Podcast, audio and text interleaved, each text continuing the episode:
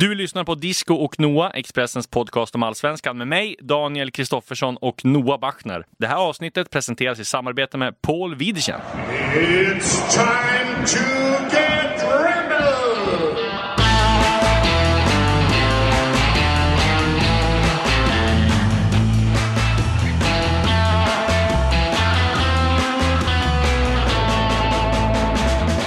Färsk från Qatar, Disco. Ja, precis. Landade i eh, går morse och ja, man får väl säga att det blev en ganska, ja, matchen blev ju inte direkt eh, jättebra mot eh, den här sista matchen de spelade mot Kosovo, eh, som dessutom svenska landslaget hade betalat för, för att få hit. Eller One Two Play hade betalat för och Svenska fotbollsförbundet hade betalat dem. För annars hade de inte fått hit några motståndare till. Qatar. Utan det var ju Moldavien och Kosovo som de bjöd dit då, två av de kanske fattigaste fotbollsförbunden i världen som de mm. bjöd in. Eh, annars hade de inte fått någon motståndare för det.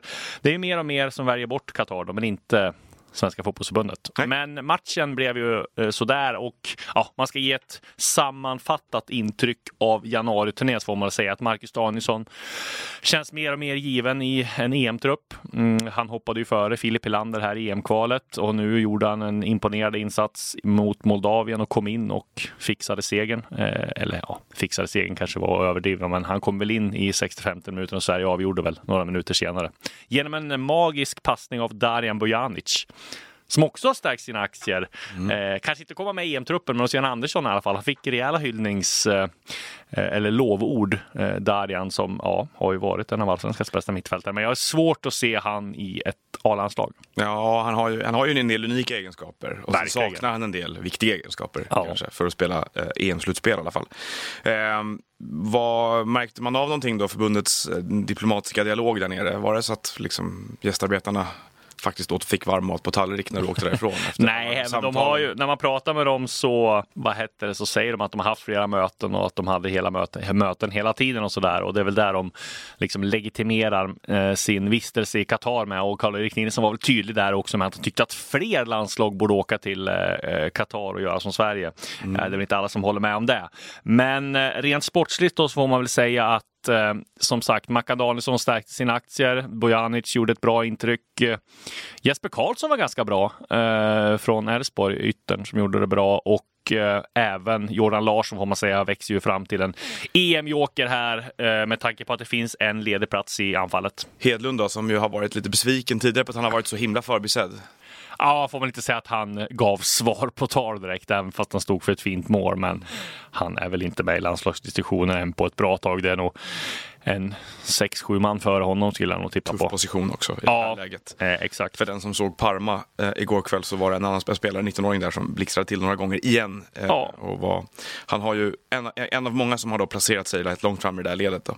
Känns, får man säga att det var ganska överdrivet. Eh, eh, mycket snack om att det skulle vara så hemskt att åka över Iran och Irak och sådär. Men, det hände ingenting. Eh, nej, men jag pratade med Janne Gustafsson här som är säkerhetschef i landslaget. Har ju kallat Zlatans livvakt, har jobbat för Säpo, har jobbat och skyddat kungar familjen, så han har stor rutin när det gäller säkerhetsfrågor. Han sa att eh, när vi skulle åka hem här så tog jag ett sista snack med honom och ville bara kolla läget lite ja. sådär. Även fast jag aldrig var rädd eller även fast jag aldrig blev... Du, inte skulle så, du vara Nej, precis så ville jag ta ett snack med honom. Då sa han, det har aldrig någonsin eh, varit säkrare att åka över Iran och Irak. För efter den här ja, tragiska och hemska nedskjutningen då av eh, det ukrainska planet här så vill ingen göra samma misstag så alla liksom sitter på hold. Så att, och dessutom är... måste ändå beundra att svenska fotbollslandslagets säkerhetschef har en så djup analys av det inrikespolitiska läget i Iran och dessutom tillgång då till hur man resonerar i de små militära förbanden som är placerade ute på den iranska landsbygden. Ja. här, grabbar, idag skjuter vi inte. Nej, men du, om jag, nu vill du vara ironisk här, men jag tror faktiskt, är det någon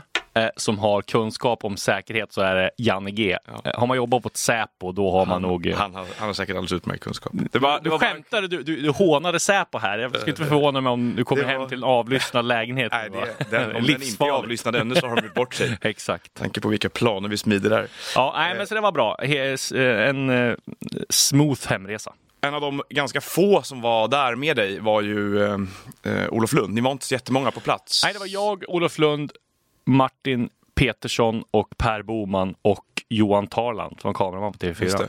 det. Eh, och det är ju eh, en trend lite grann att det blir färre och färre på landslagsaktiviteter överhuvudtaget. Ja, verkligen. Framförallt bortaresorna har det varit så. Eh, jag träffade Olof i, i går kväll, måndag kväll då. Vi hade debatt med Publicistklubben där jag sitter med i styrelsen som Mm. handlade om sportjournalistik och spelbolag och kopplingarna och vad som händer om det till exempel skulle bli ett totalförbud då mot spelreklam nästa år. Mm. Med tanke på att spelbolagen fortfarande är stora finansiärer av all journalistik på kvällstidningarna men, och även för, för tv-kanalerna. Då. Eh, men även eh, eh, i synnerhet sportjournalistiken. Hur Olof, gick, Olof var eh, med i den snacket? debatten i alla fall. Nej, men, eh, den kan man lyssna på själv på Facebook istället för att jag ska stå här och återge den. Eh, men den var i två delar. Den första handlade då lite mer om från chefsperspektiv hur de tror att journalistiken kommer påverkas. Då lät det på ett sätt. Sen kom Olof och eh, Simon Bank och Petra Thorén som ju jobbar på Sportbladet men även är ordförande i Sportjournalistförbundet upp och de hade en, en ganska annan verklighetsbeskrivning av det här. Men en poäng de tog upp där i alla fall Ja. eh, som ehm, eh, Olof eh, pekade på då som ju eh, var att eh, det här åtstramningen från spelbolagen och att pengarna, för man kan väl säga i korta drag då att det som har hänt är att det har kommit en ny lagstiftning som gör att spelbolagens pengar i större utsträckning i marknadsföringsaktiviteter hamnar hos techjättarna, hos Google och Ja. eh, Youtube och eh, liknande på Facebook. Eh, dessutom så har deras lönsamhet i Sverige gått ner för att de betalar, skatt i Sverige. Eh, och eh, lite andra aspekter av det där. Men han sa då att en åtstramning av det här märks bland annat på landskamperna. Att han sa att han som har bevakat landslaget ganska länge att eh, det är nu finns landskamper som är ganska betydande både på herr och damsidan där det antingen saknas representation Ja. från stora tidningar. Eh, Eller på vissa träningslandskamper till exempel där det tidigare kunde vara 15 svenska journalister som är idag sju istället nästan. Ja. Eh, och den där, de där, eh,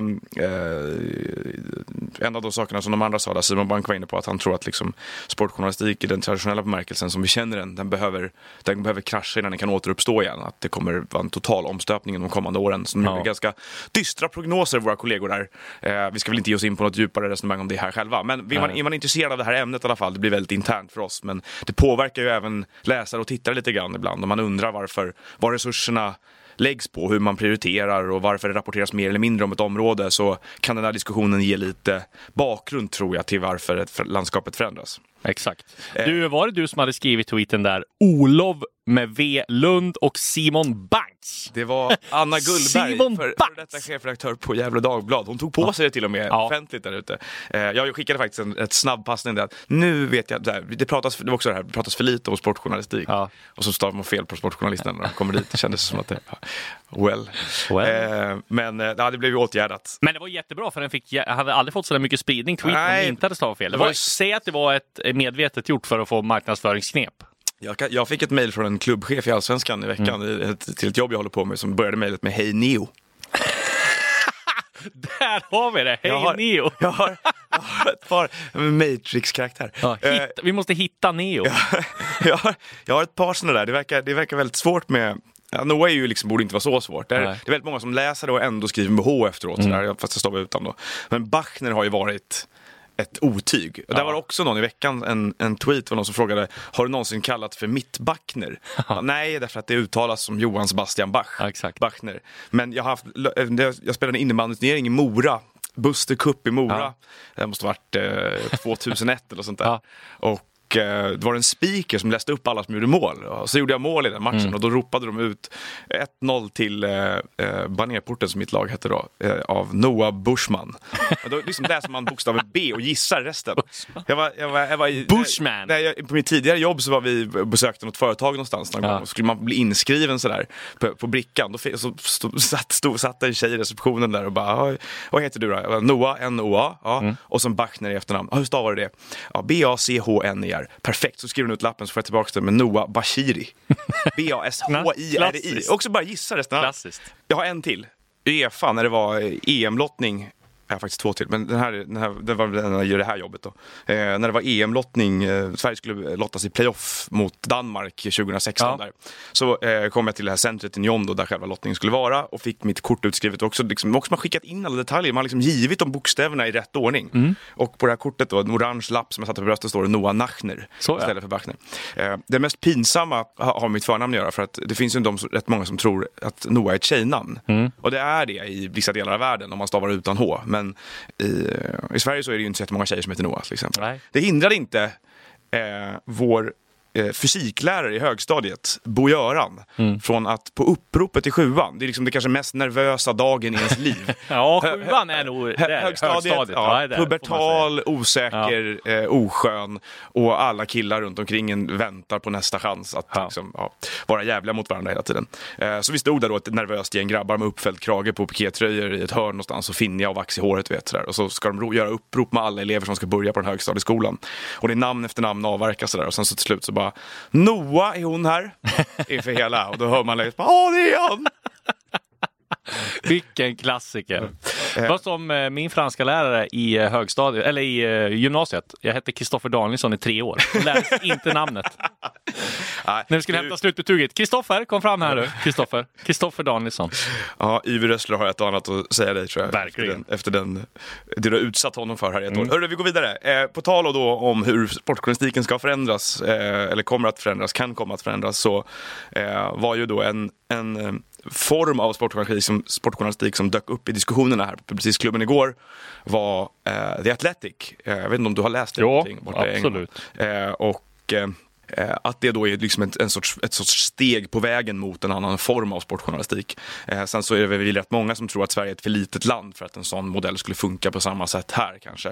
Eh, men eh, jag träffade i alla fall en reporter från Athletic förra veckan som eh, var här och gjorde en grej om Zlatan och Hammarby. Ja, den läste Men han, var, han, han valde intressant nog vinkeln Bayern lite mer. Därför att det har skrivits ganska mycket om statyn och vad som har hänt med den och sådär. Ja. Men han var mer intresserad av att redogöra för klubben Zlatan ska jobba med. Okej, Eh, ja. och jag förklarade väl för honom, han hade väl fått nys om det, att det var en ganska progressiv klubb som eh, är på väg framåt ganska snabbt och att det fanns eh, anledning att tro att Zlatan hade identifierat potentialen i Hammarby i alla fall. Då. Eh, Ja, det kan man lugnt säga att han har gjort. Gjorde väl reklam för deras eh, årskortsförsäljning Ja, här på Instagram och han precis. kör all in nu med Bayern. ja, det känns ju så. Ja, Eller det, det verkar ju absolut, så. det gör han ju. Eh, får se, fortfarande då ett, eh, ett eh, sannolikt scenario här då någon gång i framtiden att Milan och Hammarby möts i Europa League. Det hade varit något. Det hade varit kul. Ja. Eh, men det kan man i alla fall läsa. Jag uttalar mig där. Jag träffade även bayern supportrar i Stockholm. Men vi kom i alla fall in på en diskussion då. Han bevakar engelsk fotboll till vardags då, Ja. Michael som han heter. Eh, och eh, i journalistkåren där borta så är det en väldigt stor diskussion med VAR av förklarliga skäl. Är det? Eh, ja, men även, han sa det liksom att de, de, är, de är utmattade precis som vi är tror jag, av Ja. diskussionen. Men de, den är så mycket mer påträngande för dem eftersom varje match de skriver om nästan så är VAR Där. där, i mitt i hela rapporteringen Ja. av allting. Och att BBCs Match of the Day-program till exempel har ju blivit en sorts genomgång av helgens VAR-beslut nästan. Mm. Liksom att man, det är väldigt lite som handlar nu om, om det speltekniska sådär. Eh, det är ju en, när, en diskussion i Sverige som närmar sig också. Därför Ja, ja. vi har ju rätt tydligt från domarkårens sida här att de vill ha VAR. Hoppas verkligen att det införs. Ja, du hoppas verkligen att det Ja, införs. verkligen. Ja. Jag såg ju bara ett beslut här nu, klockrent, där VAR fungerar klockrent. Två grejer. Jag tror det var en match med Crystal Palace där det blev straff som domaren blåste straff och det var absolut inte straff. Kolla på VAR, det blev inte straff. Och sen var det Aubameyang- Aubameyangs utvisning. ja, precis. Ja, Klockrent. nej, men- nej, men, och det är eh, så jag vill ha det i Sverige, att det ska finnas en monitor där nere vid assisterande domarens, eller vid sidlinjen där. Tror jag det funkar kanon. Jag, jag orkar inte eh, driva, driva argument om vad som är bra och dåligt med det längre. Tror vi alla är på rätt klara med vad, vad Ja, ingen vill ju ha VAR förutom jag. Nej, Ja, och det finns nog en del. Men Alexander. Axén har väl i alla fall givit en hint om att han vill ha VAR. Mm. Eh, men eh, det som jag tror kan hända, för man kan spekulera i hur det här kommer gå till då. Mm. Och det är ju en liten skillnad här. Därför att, jag vet inte om du såg just Crystal Palace, som ju är liksom, kanske den Premier League-klubb med en mest utåtblickande läktarkultur. Att de Ja, men jag. försöker ju vara lite så här St. Pauli-lika Ja, på något och sätt. är ju den faktiskt arenan som det är nästan bäst stämning på. på, Ja, absolut. får man säga. Eh, men de har ju lite i alla fall några banderoller där det står bla bla bla Sellhurst Ultras eller något sånt Ja. där. Typ, även om man väl kan tycka att det finns. Ja, De det har en lång Och bit kvar till äh, allsvenskan. Ja, och så sjunger de, sjunger de Glad All Overs för att det var liksom deras fa Cup-vinnande lag sjöng den live i BBC för tio år. Det hade väl kanske inte hänt då. På, ja. Men hur som helst så eh, höll ju de upp en banderoll här i helgen då. Där, eh, de är väl de mest aktivistiska kan man kalla det för i alla fall av, av Premier League-fansen där. Om eh, då att VAR förstör upplevelsen av matcher för de som går på matcher. Och det är ju liksom det stora sådär supporterkulturella argumentet mot VAR. Att de, de som är på plats faktiskt berövas någonting och inte får vara med på förklaringen att det här är liksom en tv-produkt mycket mer än någonting annat. Och när, när det här ska införas i Sverige så är det ju årsmöten som kommer dugga rätt tätt nu framöver de kommande veckorna i de största fotbollsklubbarna. Det är ju rätt sannolikt att, för jag såg att SFSU var ute Svenska Supporterföreningsunionen och sa att förklarade deras ståndpunkt då i den här frågan och det är att de inte har någon ännu, de ska lyssna på vad medlemmarna säger i VAR-frågan och de är ju liksom en samtalspartner till SEF. Giss, jag kan ju gissa vad, det, vad den ståndpunkten kommer bli. Ja, det kan man. Jag, jag kan även gissa vad motionerna i många av de största klubbarna kommer handla om. Ja. Att de ber klubbarna verka mot införandet av VAR i Sverige. Och då kommer vi få en ganska delikat situation. Därför att hela domarkåren vill ju ett, ha hjälpmedlet och två, vara aktuella för internationella uppdrag. Exakt. Även om de har gått VAR-utbildningar ute i Ja. Europa, de största, flesta domarna har gjort det, så är det ju så att de vill jobba till vardags med det här verktyget för att förstå hur det funkar. Vad tror du kommer hända? Alltså jag, jag, jag, aning. jag, tror, jag tror att, att det kommer bli en ganska massiv opinionsbildning mot VAR från Mm. klubbarnas sida. För att de måste ju gå sina supporters ärenden. Liksom. Ja, så lär det bli. Supportrarna bestämmer igen. De kan få bort klubbledare, sportchefer och nu få bort VAR. Alltså, eller få bort, men... Och det är väl, det är väl så det fungerar i en demokrati. Mm. Du förlorade. Nej, jag förlorar. Jag bara säger att jag, jag tror att det hade varit bra med VAR i den form som jag vill ha det. Men, Ja. Ja. Ja, jag har, jag har från att ha varit helt säker då på att jag tänker att ja, men det, okej, det är bara en tidsfråga innan det kommer här också. Så tänker man på ja, men här är ju ett filter som gör Mm. Ja, att det ja, kanske inte blir absolut. så. Eh, så att, Och eh, medlemmarna bestämmer ju, så, Ja. så är det ju. så är det. Eh, ska vi bege oss vidare i det här programmet? Det tycker jag. Till del två, där jag håller käften och du tar över. Nej, men det har ju varit ruskigt hektiskt med silly season och det har ju duggat tätt med allsvenska värvningar, allsvenska försäljningar och eh, Eh, väldigt mycket eh, eh rykten. Eh, vi ska börja gå igenom bara några, något som har hänt här så kan vi ju ta bland annat så gjorde ju Micke Stare klar med nytt klubb, kanske inte så mycket allsvenskt men han eh, har ju ryktats Sarpsborg. till alla, alla allsvenska klubbar Ja. eh, från och med nu. Men Sarpsborg 08 och ja, det blir väl lite spännande att följa, följa dem, han där i Norge. De har ju varit en ganska progressiv klubb där borta Ja, också. det får man säga. Bra för dem. Ja, och varit med i Europa League och varit med, spelat 1-1 mot Malmö två gånger förra året. S- Eller för, förra året va? Och det var väl deras sportchef som IFK Göteborg ryckte i. Ja, exakt. exakt. Så att, eh, ja, det känns som en klubb som kan passa honom. Och sen blev det klart att eh, Tark Elionossi, som jag är inne på här, lämnar AIK. Klar för Japan. Tjänar tydligen 15 miljoner netto på två säsonger där. Mm. Det är ganska bra pengar Ja, det är, för honom. man honom. Eh, och ja, men AIK får väl säga har ett tungt tapp för, för eh, AIK. Han var ju Ja, i alla fall första halvan av förra säsongen så ja. var han ju fenomenal. Men även i stora matcher, spelare som ofta klev fram. Så att, eh, Men sen får man ju säga att AIK, om de, skulle, de ska ju föryngra truppen här och Ja. eh, ska ju skära ner, som jag varit inne på, 12 miljoner efter de här uteblivna Europa League-intäkterna. Så att eh, det är klart att då hade man, om man ska ta hem Ofori, så kan man ju inte lägga pengarna på att behålla Tark heller. Så det var inte. ganska logiskt. det som är, man undrar lite där bara är ju att, eller undrar, det som blir knepiga i den ekvationen är ju att Nossi i första hand faktiskt var en offensiv spelare. Ja, men och de jag- kostar alltid mer. Sen var han ju ingen, han var ju en poängspruta ett tag för Ja. Han var ju inte en poängspruta över hela sin sejour i AIK. Nej, men det blev lite så. att- Alltså, Ofori var väl en tvåvägsspelare i New York City FC också, fick ju ganska mycket hyllningar där. De hade inte råd att behålla honom från Stuttgart, eh, så det var liksom inte att han blev ratad från Nej. eh, MLS. Utan, och sen när man ser på AIKs prestation av Ofori så känns det som att de ska använda honom som en ganska kreativ spelare. Ja. Och sen, om du, som vi var inne på tidigare, om du ser på AIKs trupp nu, det lär väl inte bli 4-3-3 med tanke på det spelarmaterial de har nu.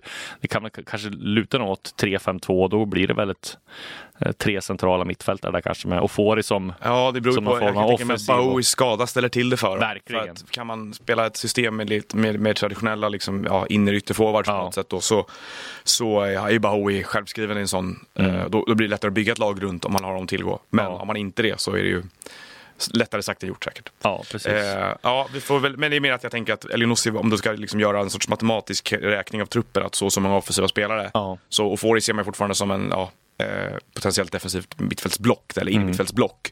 Eh, Elionossi ska ersättas, och det kommer kosta pengar att ersätta Elionossi. Mm.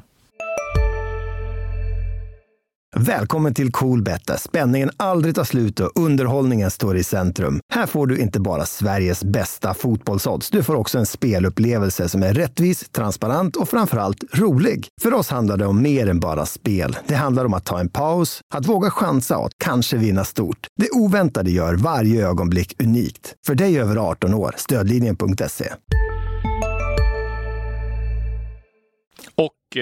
Malmö har gjort klart med Isak Kiese så vi får se som en eh, rätt, rätt bra värvning. Han vi dit förra avsnittet redan, tror jag. Här gjorde vi det? Jag Ja, det kanske vi gjorde. Jag Ja. har för mig det. En supervärvning för Eh, Ja, en dundervärvning för dem, eh, får man säga.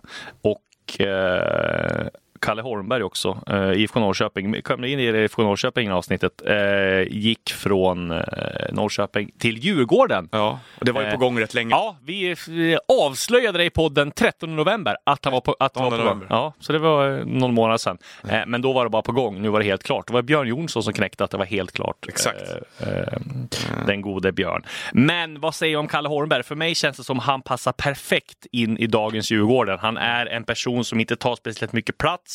Han är lätt att anpassa sig till den här gruppen som Djurgården har byggt upp. Jag pratar bland annat med Une Larsson om det här. Dels eh, så kommer en intervju här i, i tisdag med honom om där han pratar lite grann om att vara i Marcus Danielssons skugga.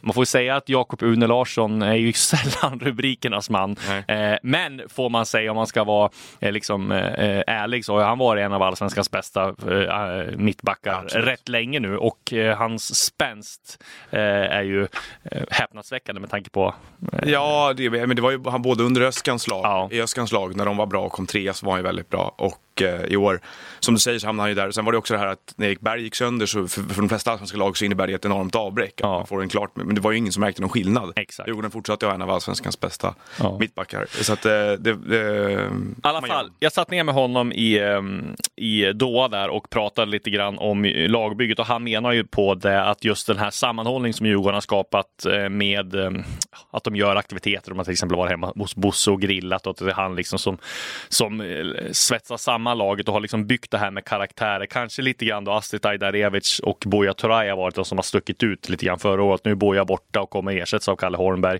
Nu blir det bara Astrid Ajdarevic som är någon form av stjärna och eh, diva i form av positiv bemärkelse ska jag säga nu.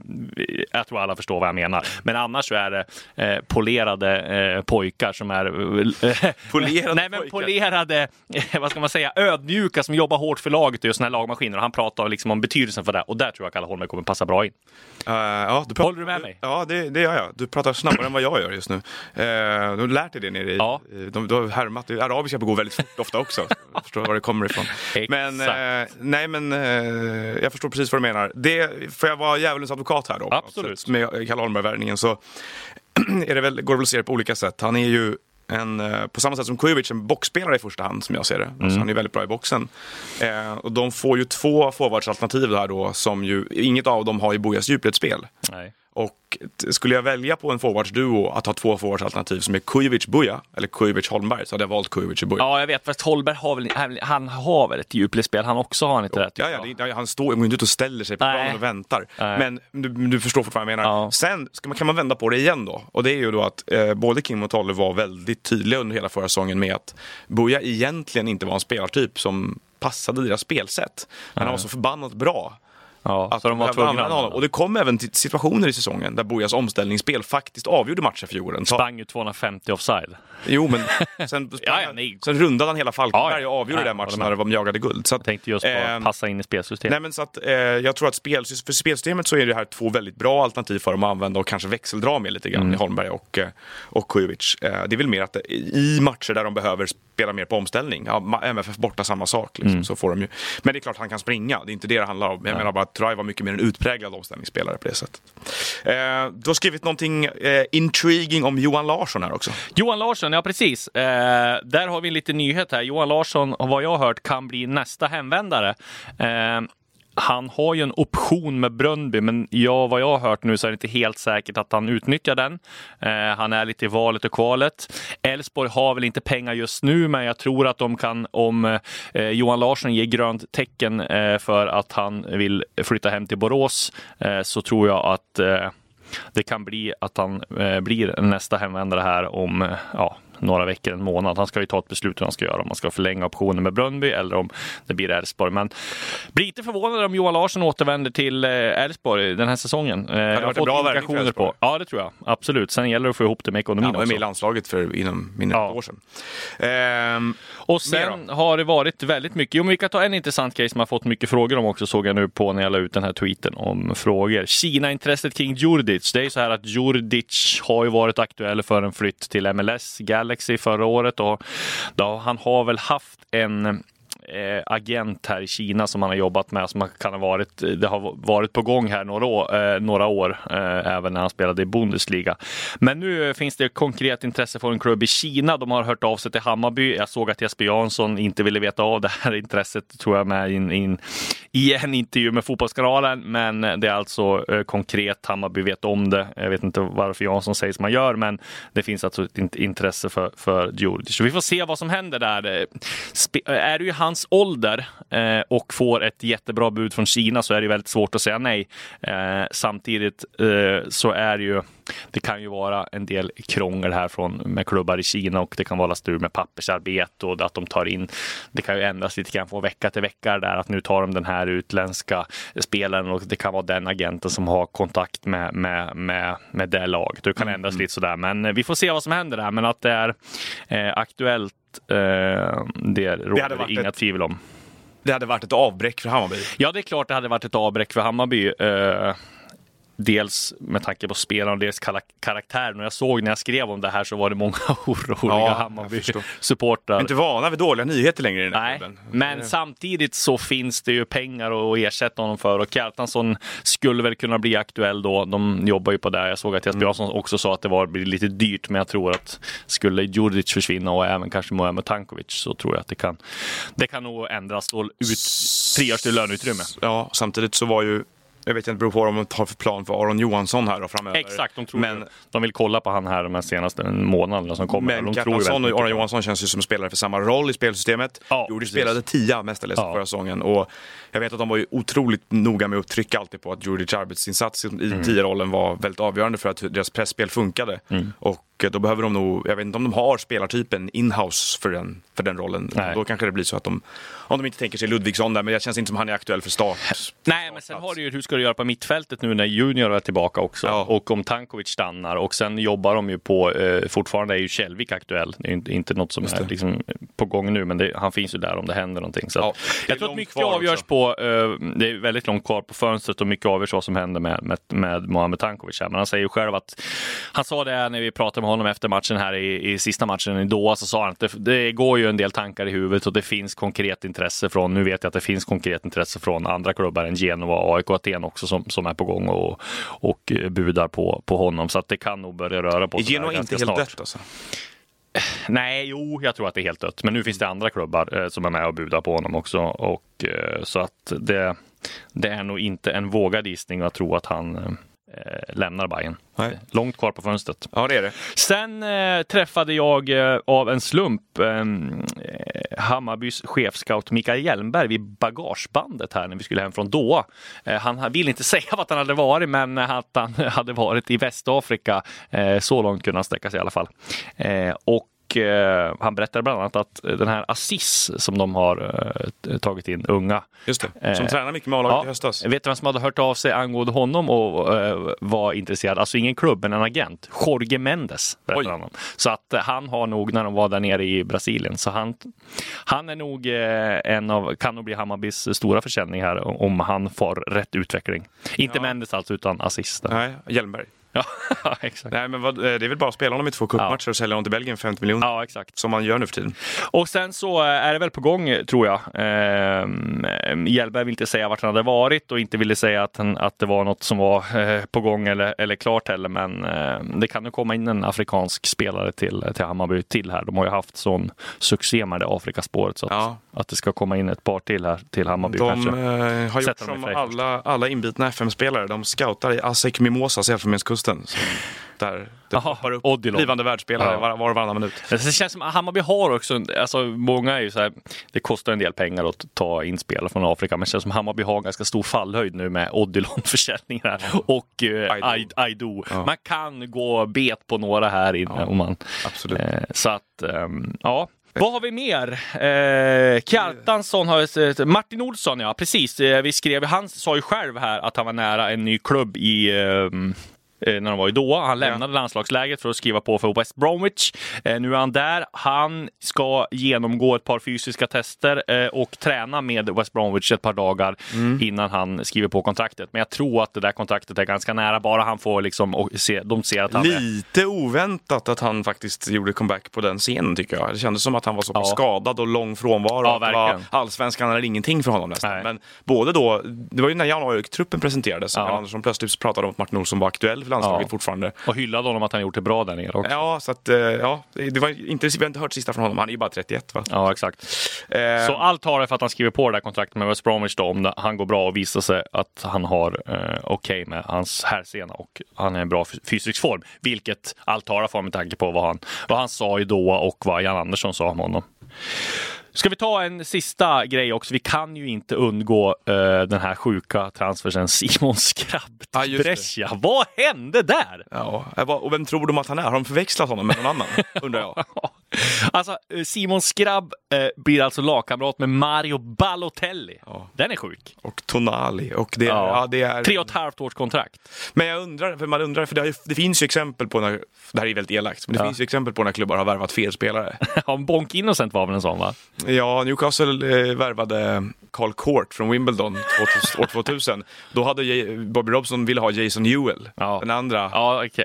den andra svarta spelaren i, i, eh, i Wimbledon, Ja. Men fick fel spelare. Ja, men här, här, här, ska det inte vara så. Däremot så blir det intressant att se om han får speltid, hur han lyckas. Men, men Och däremot har det ju... Sportbladet bildsatte idag, har du sett det? Nej, Nej, På tal om att förväxla. jaha, Nej, vi kan, det, det, det får man googla själv. okej. Var det någonting med skrabb eller var det något annat? Nej, men på tal om förväxla spelare. Okej.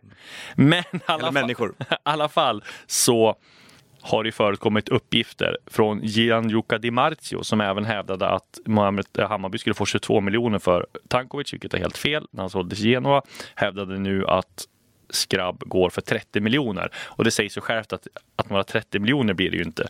Dels så kan inte en spelare som är 24 år med ett år kvar av kontraktet gå för den summan. Eh, och dels har ju faktiskt Skrabbs pappa varit ute och eh, eh, sagt vad övergångssumman är, ungefär en tredjedel av den summan. Och det var jag har hört också. Och sen ska Jaro ha 17 procent av dem, tror jag det stod i Österbottens eh, tidning här. Så att eh, vi får gissa på att det är en 7-8 miljoner netto till IFK Norrköping får de väl vara nöjd med med tanke på Skrabbs ålder, Skrabbs längd på kontraktet kvar och eh, ja, vad han har presterat i, i Norrköping sedan han kom. Så att eh, ja, det har varit en hektisk silly season och den är inte över. Vi ska komma, det kommer nog ett par nyheter här i, i, dagarna. Du har saker på gång alltså? Din Ja, Usch. precis. Usch för dig. Ja, jag har en fråga direkt här som jag såg var väldigt intressant och den handlade om dig och dina, eh, dina stilistiska förebilder. Jaha. Såg du den eller? Nej. Eh, Viktor, Wikileaks, vem har Noah som stilförebild? Ja, Gäller det klädstil då Ja. eller gäller det att skriva skrivande? Visst är ju... Jag tror, det känns som att han menar kläd. Ja, ja. Ja, då har jag Ja. ingen. Okej, nej det, mär, det märker man faktiskt. det, det, det, det, kan man nästan gissa sig till. Sen är det många som har gått igenom här. Eh, Vi har, eh, Alltså, Viktor, du får ställa om frågan om du menar någonting annat. vi har snackat om Genoa och Tankovic. Vi har pratat om eh, kinesiska intresset för Djurdjic. SAS-mackan, vad vet ni egentligen om Djurdjic potentiella Kinaflytt? Vi gått igenom. Mer om Karlström. Karlström har tackat nej till en del. Anbud har väl inget konkret ännu, men tränar med Djurgården och ja, jag vet inte. Hittar han ingenting så skriver han på, men jag tror Han fick fortfarande, den här veckans träning va? Stod, stod, Ja. skrev väl Djurgården själva tror jag. jag tror fortfarande är att eh, att han siktar på att komma utomlands och att det blir utomlands. Men vi får se. Hugo Nyman är förbannad. Har noterat att flera Norrköpingssupportrar irriteras över att det inte händer något på värvningsfronten. Finns det något på gång där? Eller är det citat utveckling och inslussning av talanger? Vilket frakt man skriver det med när man skriver inom citat. För att det är liksom är, eh, som, det, det som förmedlas utåt. Ja, Jag har inget eh, dunder konkret på IFK Norrköping just nu, men det blir väl någonting att få kolla upp här. Måste ju komma anfallare där va? Om, i och med att Kalle Holmberg lämnade. Känns det som. Ja, det, verkligen. verkligen. Eh, Bosse Andersson har något på gång. Vad är det? skriver Mårten Nordström. Ja, det ska vi också kolla upp här, men att det är en mittfältare är väl inte så svårt att gissa, va? Eh, som ska in i Djurgårdens trupp. De avvaktar säkert hur det blir med eh, Jesper Karlström. Ja, det känns som det. Och sen är det en fråga här angående Pontus Engblom som jag har skrivit om tidigare. Det är Anton Hovstadius. Status Engblom till Giffarna. Vad jag har hört så är det nära att det är väl bara en underskrift och en prestation som ska till där så att blir inte förvånad om han presenteras ganska snart, vilket var status föregående vecka också. Men mm det kan ju dra ut på, på tiden. Eh, en del eh, transferflyttar med tanke på sign-on, om de ska komma på artistskatt och så där så vill de nog gärna dra ut på tiden. Det har väl funnits spelare, tror jag, Asit Ajdarevic åkte ner och satte sig i Grekland där ett tag innan han skulle till Djurgården för att tiden skulle rinna iväg och de här ja. dagarna som man räknar på när man kommer på artistskatt. Ja, precis. Eh, Johan skriver, det ryktas att en anfallare är på gång till Blåvitt. Hört något om och vet Då, vad det kan vara? Där ryktas det om Paul Wiedesheim från eh, Halmstad. Uttalar jag rätt? Ja. Wiedesheim, ja precis. Mm. Han ryktas det om där. Vi får se om de lyckas landa honom. Eh, Blåvitt eh, som Paul övrigt... Wiedesheim, han heter alltså Rasmus Wiedesheim Paul. Rasmus Wiedesheim Paul. och du står här innan och blir ledsen att du kallas Kristoffer Danielsson. Ja. Hyckleriet vet det här, det här är min hämnd. det här är min hämnd. att, livslång vendetta. Ja, livslång vendetta. Synd att det inte var franska läraren som fick den, eh, utan det var Rasmus Paul Wiedesheim. oh. Ja, så kan det vara. Eh, vi återkommer där. Jakob Johansson i alla fall måste vi också ta. Jakob Johansson har ju köpt hus eh, som vi snokade reda på här i, förra veckan. Eller i, för någon dag sedan bara. Köpt hus utanför Göteborg. Där pågår det förhandlingar med Blåvitt.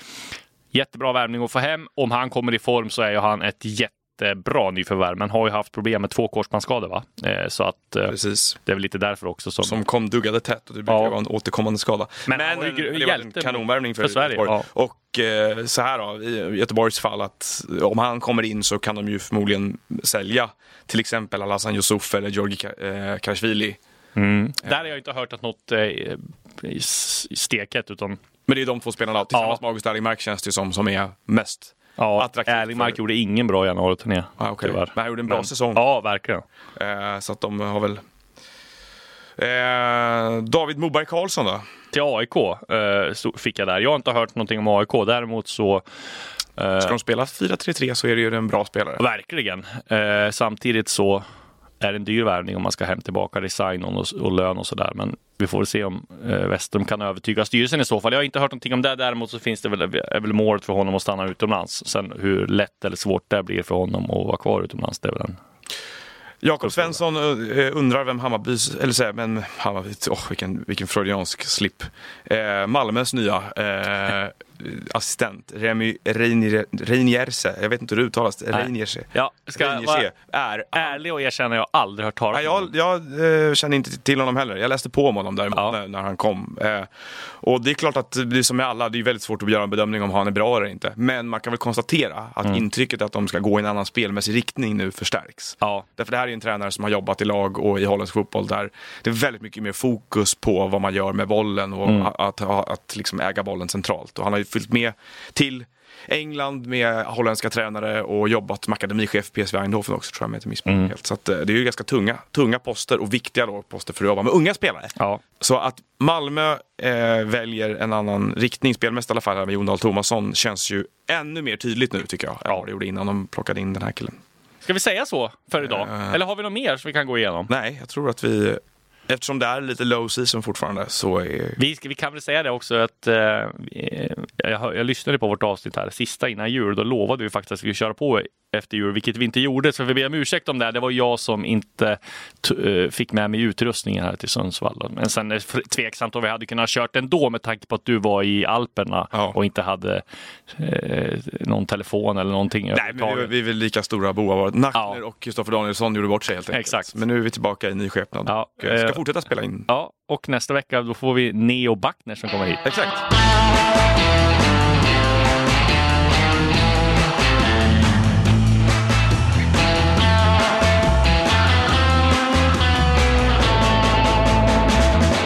Du har lyssnat på en podcast från Expressen. Ansvarig utgivare är Klas Granström. Hej, Ulf Kristersson här. På många sätt är det en mörk tid vi lever i. Men nu tar vi ett stort steg för att göra Sverige till en tryggare och säkrare plats. Sverige är nu medlem i Nato. En för alla, alla för en. Har du också valt att bli egen? Då är det viktigt att skaffa en bra företagsförsäkring. Hos oss är alla småföretag stora och inga frågor för små. Swedeas företagsförsäkring är anpassad för mindre företag och täcker även sånt som din hemförsäkring inte täcker. Gå in på swedea.se företag och jämför själv.